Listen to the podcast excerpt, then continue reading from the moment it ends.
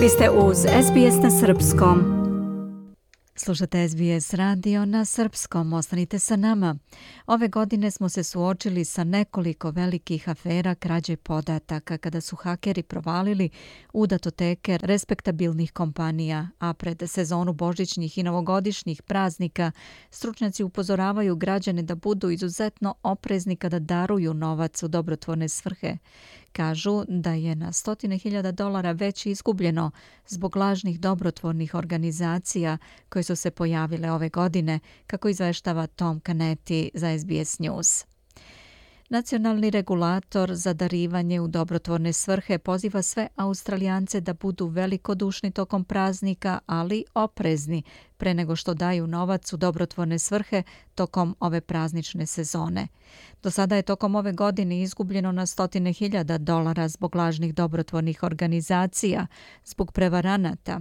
Zamenica komesara za regulisanje australijskih dobrotvornih i neprofitnih organizacija, Debra Jenkins, kaže da je izuzetno važno da ljudi budu na oprezu kao nikad do sada. It's more than important than ever to do a quick check of our charity register before donating this festive season.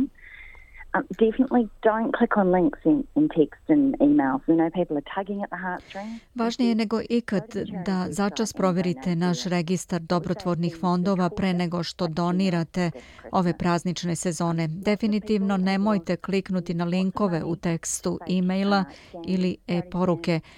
Znate dobro da ljudi uvek igraju na kartu milosrđa. Umjesto toga, idite na web sajt gde su izlistane dobrotvorne organizacije i donirajte tamo. Ono što kažemo je, budite oprezni, ali velikodušni ovog Božića. Mnogo ljudi je izgubilo velike svote novca zbog prevara i lažnih dobrotvornih organizacija. Ne želimo da i vas upecaju na isti način ovog Božića. Mi zapravo želimo da se uplaćuje novac dobrotvornim organizacijama koje su zaslužne širom Australije.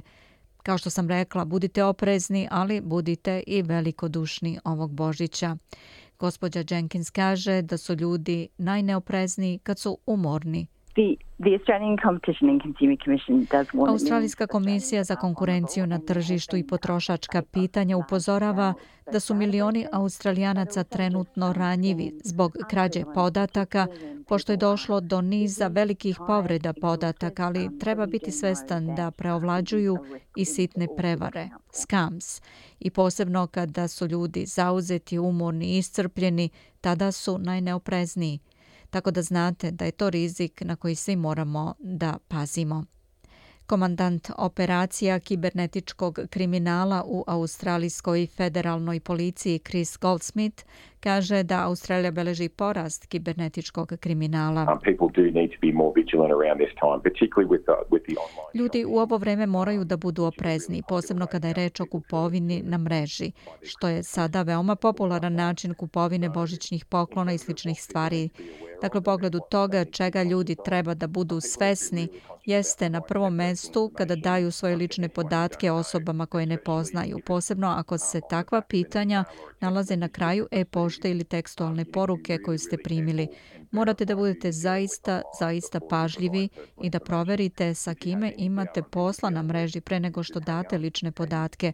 Ako sumnjate u to s kim imate posla, trebalo bi da izbrišete poruke ili spustite slušalicu ako je telefonski poziv i kontaktirajte ih putem pouzdanog mehanizma. Australijska federalna policija trenutno učestvuje u međunarodnoj kampanji EMA 8 kako bi se podigla svest o onome što se zove money muling, odnosno ilegalno prenošenje novca u nečije ime. A ta kampanja je globalni napor, globalna inicijativa za podizanje svesti o ilegalnom prenošenju novca u nečije ime. Goldsmith objašnjava šta je money muling. To su kriminalne grupe koje vrše prevare i često su im potrebni računi u australijskim bankama kako bi prebacili novac koji su ukrali od žrtava van australijske jurisdikcije. A da biste to uradili, koristite takozvane mazge za prenos novca. To su ljudi koje ubede da otvore račune u australijskim bankama, da vrše te transfere novca u ime kriminalnih grupa. Vidimo niz aktivnosti i prevara povezanih sa tom vrstom kriminala, tako da ljudi mogu biti prevareni da otvore račune kao na primjer deo ljubavne prevare. Dakle, neko za koga imate romantično interesovanje ili neko za koga mislite da je prijatelj ili neko s kim izlazite, može da vas iskoristi na takav način, kaže Goldsmith. Također kaže da oni koji su prevareni Na takav način ne treba da se stide, već treba da prijave takve ilegalne radnje i prevare. Ako mislite da ste bili žrtva prevare, zaista je važno da se ne stidite zbog toga. Prijavite to odmah, to je apsolutno kritično. Možete to prijaviti svojoj banci i također možete prijaviti policiji koristeći adresu reportcyber.cyber.gov. U godišnjem izveštaju o kibernetičkim pretnjama za 2022.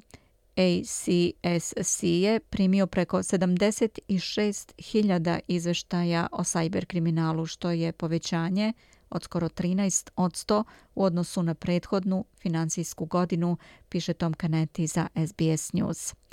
Ja sam Biljana Ristić. Slušate program na srpskom. Želite da čujete još priča poput ove? Slušajte nas na Apple Podcast, Google Podcast, Spotify ili odakle god slušate podcast.